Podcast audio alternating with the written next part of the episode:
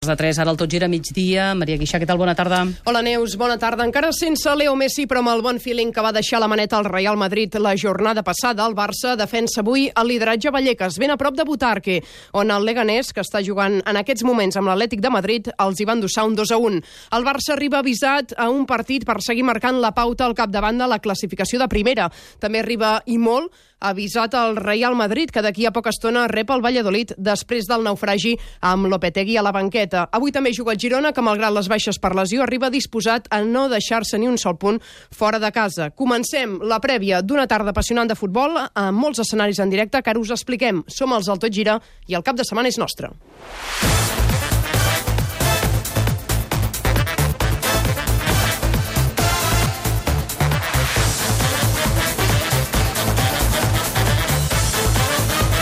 Tot gira a migdia amb Maria Guixà.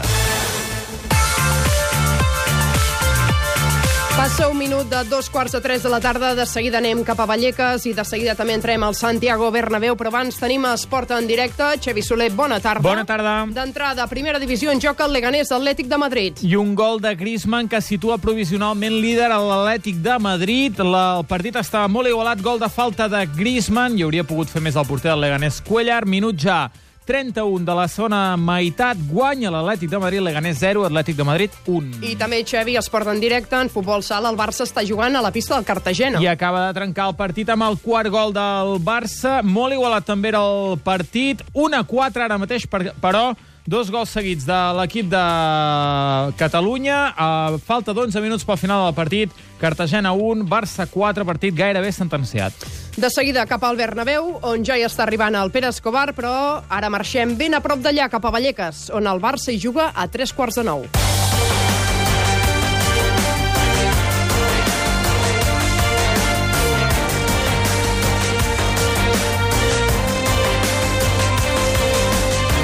Barça que arriba defensant el lideratge de la Lliga. Avui juga al camp del Rayo Vallecano, també reforçat per la victòria al Clàssic i amb l'absència, això sí, encara de Leo Messi. Marta Carreras, què tal? Bona tarda. Bona tarda, Maria. El Barça, com diem, s'ha desplaçat ja avui mateix cap a Madrid i dèiem, eh, baixes sensibles, sens dubte una vegada més, una jornada més, la, la més destacada és la de Leo Messi.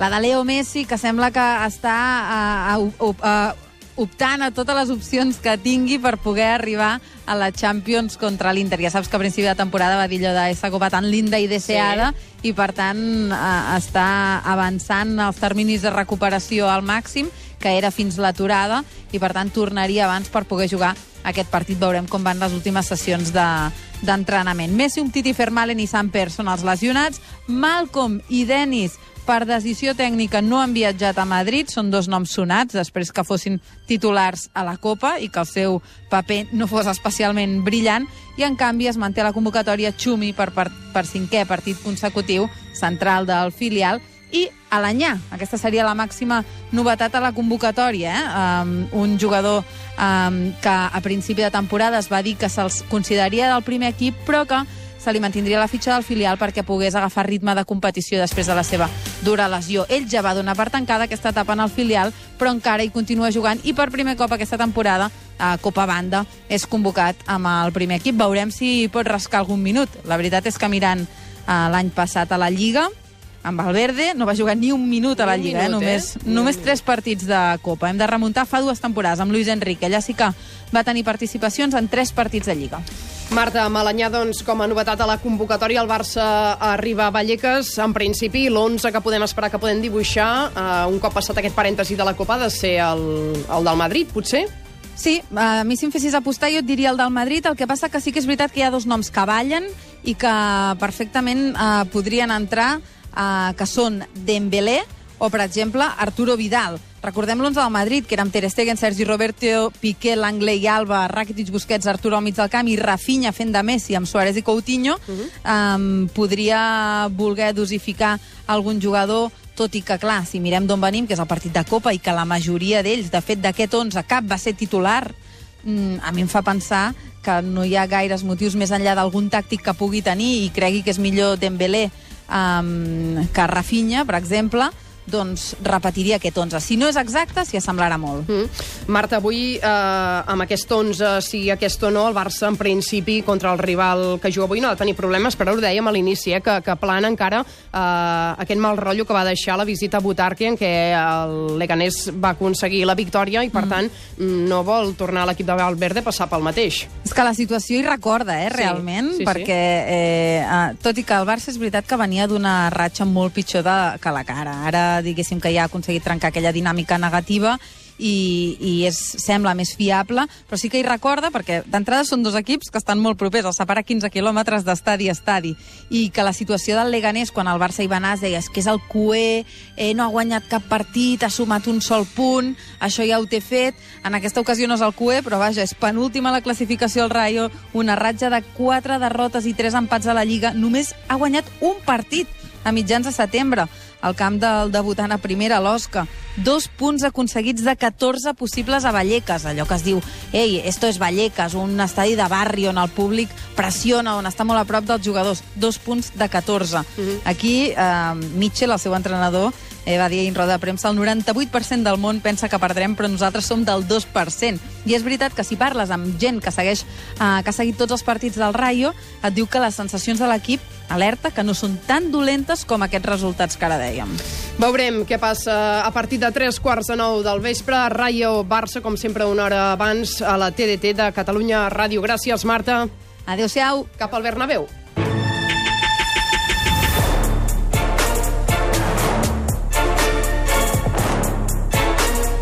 El Madrid juga a partir d'un quart de cinc de la tarda, però abans eh, Xavi Soler segueix el mateix marcador, la mateixa tònica, en aquest cas a Butarque. No, acaba d'empatar el Leganés. Això priva del lideratge a l'Atlètic de Madrid.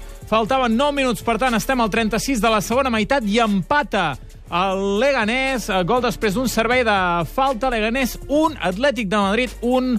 8 minuts i mig més l'afegit pel final d'aquest partit. Ara mateix, amb aquest gol, això vol dir que la classificació queda amb el Barça com a líder amb 21 punts pendent del partit que juga aquest vespre i l'Atlètic de Madrid segon amb 20, ara se el, situaria. El gol és de Rodrigo Tarín, que ha rematat aquesta falta. Ara hi ha una possible reclamació de fora de joc. Seria posicional en tot cas i el jugador no intervé en cap cas en la rematada final de Tarín, que ha sorprès en el sobrevot el porter de l'Atlètica Oblak. Per tant, Eh, veurem si a Bar crec que no, el gol pujarà al marcador i, per tant, empat a Leganés. Recte final ja d'aquest partit, minut 82. De moment, aquest empat a 1 que es manté al marcador. Diem, al Bernabéu avui, primera prova de foc per Solari, arriba al Valladolid per enfrontar-se al Madrid. En aquesta era ja post Julen Lopetegui i avui el tècnic argentí del conjunt blanc segurament se la juga i molt. Pere Escobar, Bernabéu, bona tarda.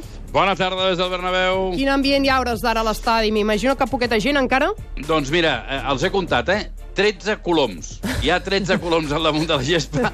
Eh, no sé si és un mal número o bon número, a mi m'agrada el número 13, i no sé si és una metàfora del que veurem. Però ara mateix a la gespa hi ha 13 coloms, i a la grada la gent de seguretat, que ja s'està instal·lant als seus llocs, fent una mena de briefing pels les hosteses i els hostesos abans que comenci el partit. Encara no ha entrat ningú. Eh, hi haurà, suposo, poca gent, perquè el Madrid ve com ve i perquè aquí és pont, Fa una tarda esplèndida, 16 graus de temperatura, es mantindrà fins a que acabi el partit, i el que s'ha de veure és com anirà aquest partit, perquè si marca el primer el Valladolid tindrem concert de vent assegurat. Pensa que el Valladolid és sisè, el Madrid és novè, jo no recordo i he buscat i no he trobat a la història cap vegada que el Valladolid hagi vingut aquí, a aquestes alçades de la temporada, amb dos punts d'avantatge sobre el Madrid, però és que si féssim una classificació dels últims cinc partits, el, Ma el Madrid seria l'últim i el Valladolid seria el primer. -huh. La qual cosa eh, diu moltíssimes, eh, moltíssimes coses de l'ambient que es pot respirar avui. Sí, un escenari pràcticament inèdit. No sí. sé si aquests eh, minuts previs al partit, passejant encara per Madrid, es pot copsar una mica eh, l'afició, si es pot parlar amb ells, com es respira, com pensen rebre Solari, com veuen l'equip. Sí, a mi m'agrada fer això, parlo amb els taxistes, parlo amb la gent del voltant. Estan molt pendents, sobretot,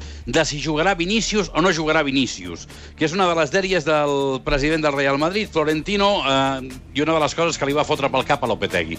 Vinícius pràcticament no ha tingut minuts amb Lopetegui, amb, amb eh, Solari ja n'ha tingut a la Copa del Rei contra el Melilla, el dubte si avui jugarà Vinícius o no, i si l'11 de sortida eh, tindrà molt a veure amb l'estil que tenia l'11 de Lopetegui, que no ho sembla. D'entrada, Ja et dic ara que Solari té un problema molt gros, que és a les bandes, a la defensa, perquè eh, està pràcticament en quadre. Recorda que Baran, Mariano, Marcelo, Carvajal i Vallejo són baixes, Sí. la qual cosa vol dir que haurà de jugar amb Reguilón a l'esquerra segur i Odriozola a la dreta segur. Al centre de la defensa li queden Nacho, eh, perdó, sí, Nacho i, i Ramos, i per davant és on pot fer els canvis.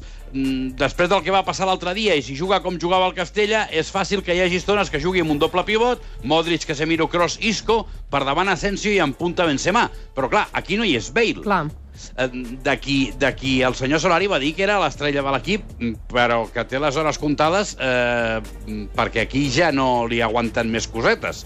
Eh, aquí és Benzema, però no hi és Vinícius. És a dir, que aquest dubte ens quedarà pràcticament fins a d'aquí mitja hora, una mica més, que donguin l'alineació. Si la donessin abans, jo t'aviso i t'ho dic. Val, perfecte. En principi, com que tampoc va jugar a la Copa, mm, no hi hauria d'haver, a priori, potser problemes perquè apostés, no?, per ell, si més No. menys el vol com a revulsiu. Però mira, hi ha una dada, hi ha una dada que és, si tu vols, estúpida, però, però significativa. Ancelotti es va desfer de Bale. Uh, Zidane, l'últim partit que juga que fa com a entrenador del Madrid, que és el partit de la Champions, el comença amb Bale a la banqueta.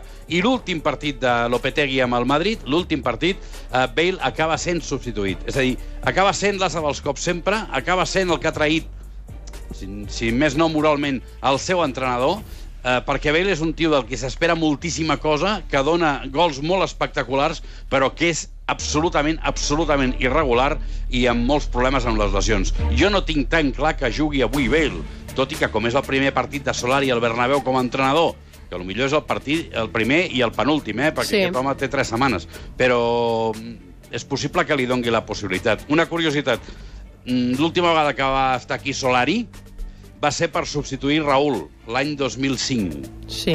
Imagina't tu. Ja, ja hi era plogut, eh? Florentino, eh? Déu-n'hi-do. Ja hi era Florentino, que l'any següent va plegar eh, dient que els jugadors l'havien traït. Eh? I, i, I l'atenció de tothom, això sí, això avui ho espera tothom, és la llotja.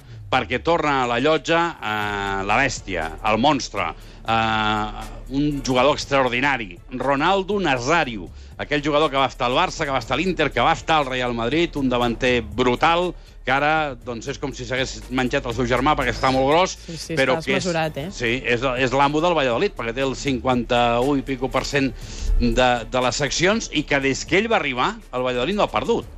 Atenció amb aquesta dada també. I a la dada del Valladolid fora de casa. Fora de casa el Valladolid ha marcat 4 gols i n'hi han fet 4. Però és que ha guanyat dos partits, n'ha empatat un i no n'ha perdut cap. Perdó, t'estava dient malament. N'ha guanyat dos, n'ha empatat tres i no n'ha perdut cap Correcte. fora de casa. Mhm.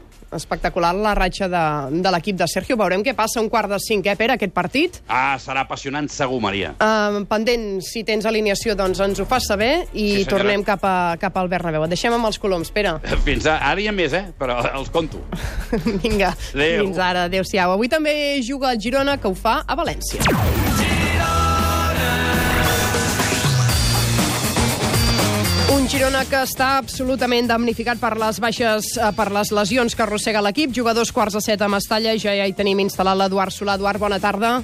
Hola, bona tarda. Encara no a Mestalla i de moment no veig coloms com veu en Pere. Eh? Els veuràs potser més tard, a dos quarts de set aquest partit, encara ben a prop de l'estadi, però ara ho dèiem, eh, els Eusebio que arriben en quadre, set baixes en un moment, eh, Eduard, important de la temporada. Ah, Sí, eh, molt important de la temporada, després d'haver guanyat la setmana passada el Rayo Vallecano, que uns punts que van donar tranquil·litat. I com deies, Maria, amb set baixes. Eh, hem de tenir en compte que és un terç de la plantilla del Girona que no pot ser avui aquí a València. Hi ha sis lesionats, Mojica, Adai, tots dos de llarga durada, Porto, Douglas Luis, Juanpe i Estuani. Tots aquests jugadors estan lesionats, eh, tot i que en podria recuperar un parell per la setmana que ve contra el Leganés. Sis lesionats i, a més a més, un sancionat, Choco Lozano, que van expulsar la setmana passada. Eh, hi ha 14 jugadors només del primer equip disponibles i quatre del Paralada, que tots quatre seran a la, a la banqueta. Uh, tots quatre ja van jugar aquesta setmana a la Copa Vitoria, són Valeri, Montes, Anzuana i Soni, i l'única alegria d'aquesta setmana ha estat que Granell ja té l'alta mèdica, que podrà ser a la banqueta, al costat de només dos jugadors més del primer equip, el porter, segurament Gorka, mm -hmm. i el que no jugui d'Alcalà i Muniesa. Per tant, tota la resta seran jugadors del Paralada. Eduard, eh, avui hi ha una situació curiosa, és que el Girona encara no ha perdut fora de casa i el València, en canvi, encara no hi ha guanyat. Avui és eh, una estadística, òbviament, però, però sí que el Girona s'hi pot, pot aferrar especialment tocat com arriba i, i fer valer aquesta condició. Sí, i que ja firmaríem, eh? Perquè Sí. el València ha empatat els cinc partits que ha jugat a Mestalla aquesta temporada. Ha empatat 1-1 contra l'Atlètic Madrid, 0-0 contra el Betis, 1-1 contra el Celta, 1-1 contra el Barça i 1-1 contra el Leganés. El València aquesta temporada només ha guanyat un partit i va ser a fora de casa a Noeta contra la Real Ciutat. I per contra, el Girona es manté imbatut en tots els seus desplaçaments. Ha guanyat a Villarreal i ha empatat al Camp Nou contra el Barça, a Osca i al camp de la Real Ciutat. En aquí podríem afegir, a més a més, l'empat a dos de Vitòria aquesta setmana a la Copa del Rei. Per tant, un Girona que no ha perdut cap partit a fora de casa aquesta temporada contra un València que ha empatat tots els partits que ha jugat a casa com a local. Doncs a dos quarts de set, aquest eh, València-Girona, amb l'Eduard Solà, avui amb l'Oriol Rodríguez. Bona tarda, Eduard. Bona tarda, adeu. Demà no hi ha presència catalana a la Lliga. L'Espanyol juga, en aquest cas, dilluns amb l'Atlètic Club.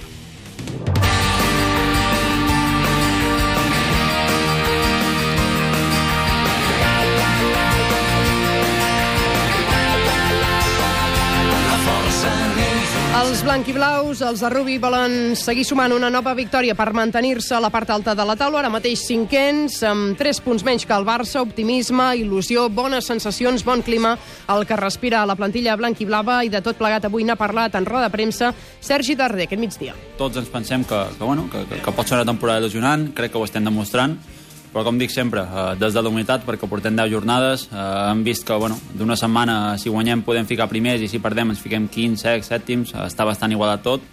Així que bueno, és, és, és treball nostre de, de, bueno, de seguir guanyant partits, sobretot a casa, perquè és on, on crec que de moment estem sent bastant forts, eh, per no perdre punts i intentar enganxar-nos un altre cop, que és on, on volem estar.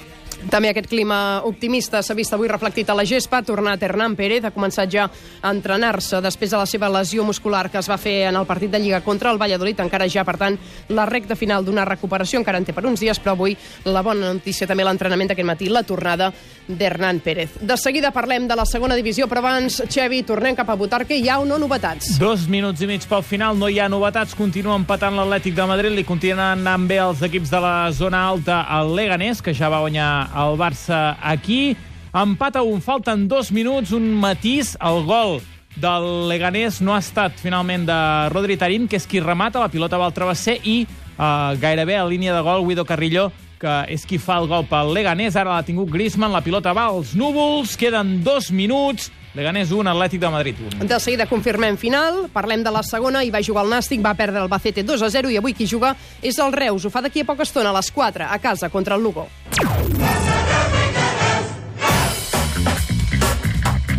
És un duel directe amb l'equip gallec, tots els equips ara mateix empatats amb 12 punts. Saludem el Carles Vila, amb qui seguirem aquest partit. Carles, bona tarda. Bona tarda. El Reus, que avui necessita sumar, també a partir d'avui ja de 3 en 3 per posar, podríem dir, eh, terra pel mig respecte al descens, Carles. Serà una altra prova de foc per als jugadors de Xavi Bartolo, després d'una setmana complicada per al club roig i negre. A la precària situació esportiva, només 14 fitxes a la plantilla, ara s'ha de sumar la situació econòmica amb el deute acumulat més de 5 milions d'euros i sense efectiu per poder pagar les nòmines dels jugadors i treballadors.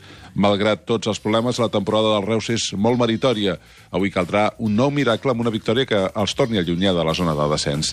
A l'11 titular hi haurà poques sorpreses, a la porteria com sempre hi serà Iker Badí, en defensa Herrera, Pereira, Olmo, Catena i Shakmur.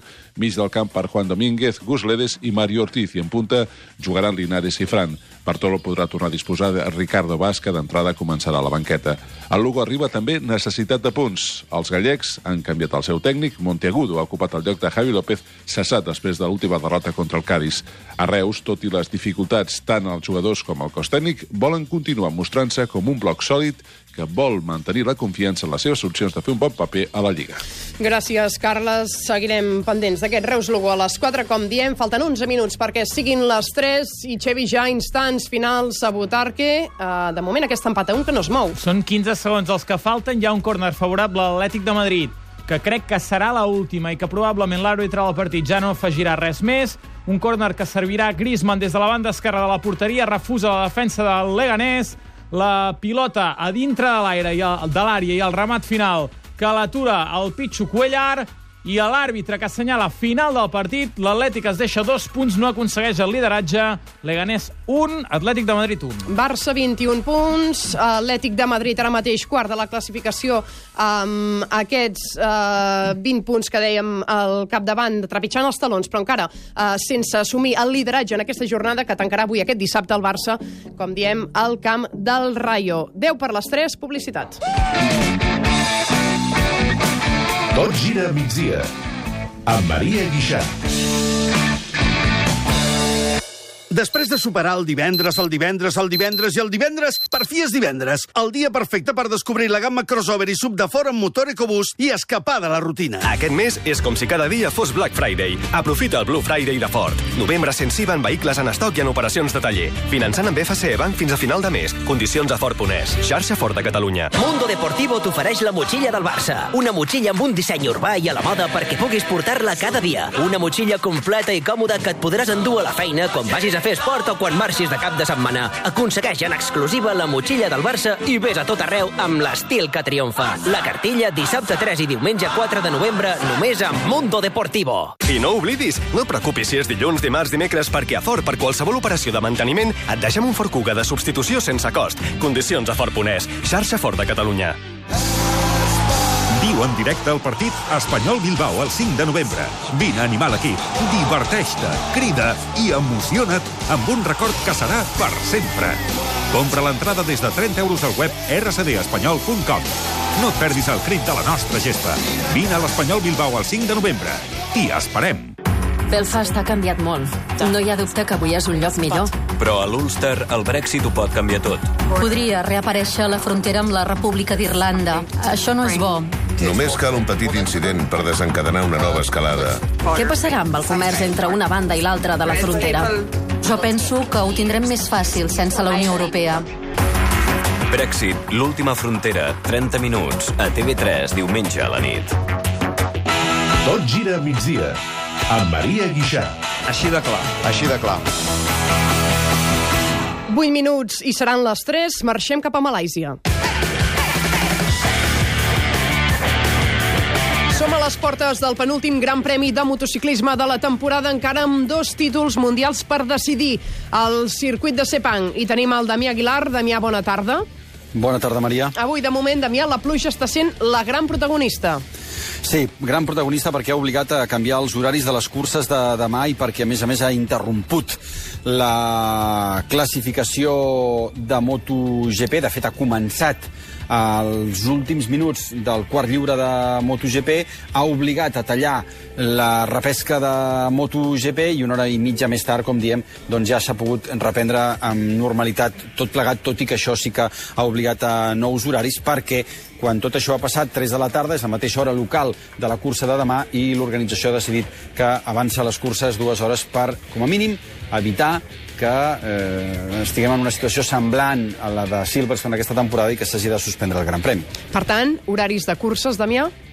Doncs mira, comencem 3 de la matinada Moto3, 4 i 20 de la matinada Moto2 i MotoGP 6 de la matinada. Per tant, dues hores abans. Això vol dir que a Catalunya Ràdio estarem en directe ja des de dos quarts de sis amb l'univers MotoGP. Una prova, la de MotoGP, que ja està decidida, data i beneïda per Marc Márquez, que de moment ha tornat a demostrar un cop, un cop més que és el pilot eh, més camaleònic del Mundial, però tot i així, Damià no sortirà primer. Per què? Sí, mira, eh, et deia que ha començat a ploure en els últims moments del quart lliure de MotoGP, que és quan Márquez ha estat clarament amb tres voltes més ràpid que tothom en aigua. I després de la classificació també ho ha estat, tot i que fins i tot amb el segon pneumàtic d'aigua ha tingut una caiguda, però tenia una volta tan bona que li ha valgut per tenir la pole, per guanyar-se el rellotge de la pole position i per sortir primer. Però durant aquesta classificació ha obstaculitzat un pilot, que és Andrea Iannone, i el panel de comissaris de la Federació Internacional, una vegada ja, està, ja, ja, ja havien parlat fins i tot, i ell havia fet declaracions i tothom les havia fetes, doncs han sancionat amb sis posicions, que és el mateix que li va passar a l'anterior Gran Premi d'Austin. Si recordeu, aleshores va obstaculitzar Maverick Viñales i va sortir quart, en aquest cas obstaculitza Iannone i surt en la setena posició. Eh, com queda la graella? Doncs amb Zarco, que sortirà primer, amb Rossi i Iannone a la primera fila, amb Dovizioso Miller i Petrucci en la segona, amb Márquez a la tercera, amb Rins i Bautista, a la quarta hi haurà Pedrosa, Viñales i Aleix Espargaró, a la sisena, Pol Espargaró, i atenció, dues baixes importants, Jorge Lorenzo, que s'ha baixat de la moto, o millor dit, ja no ha pujat a la moto per la lesió de la mà esquerra aquest matí, hora de Malàisia, i Jordi Torres, que quan ha aparegut la pluja, ha caigut sobtadament i s'ha fracturat el polze de la mà esquerra. I declaracions de Marc Márquez, insisteixo, anteriors a l'ascensió, parlant d'aquesta pole position vuitantena de la seva carrera esportiva.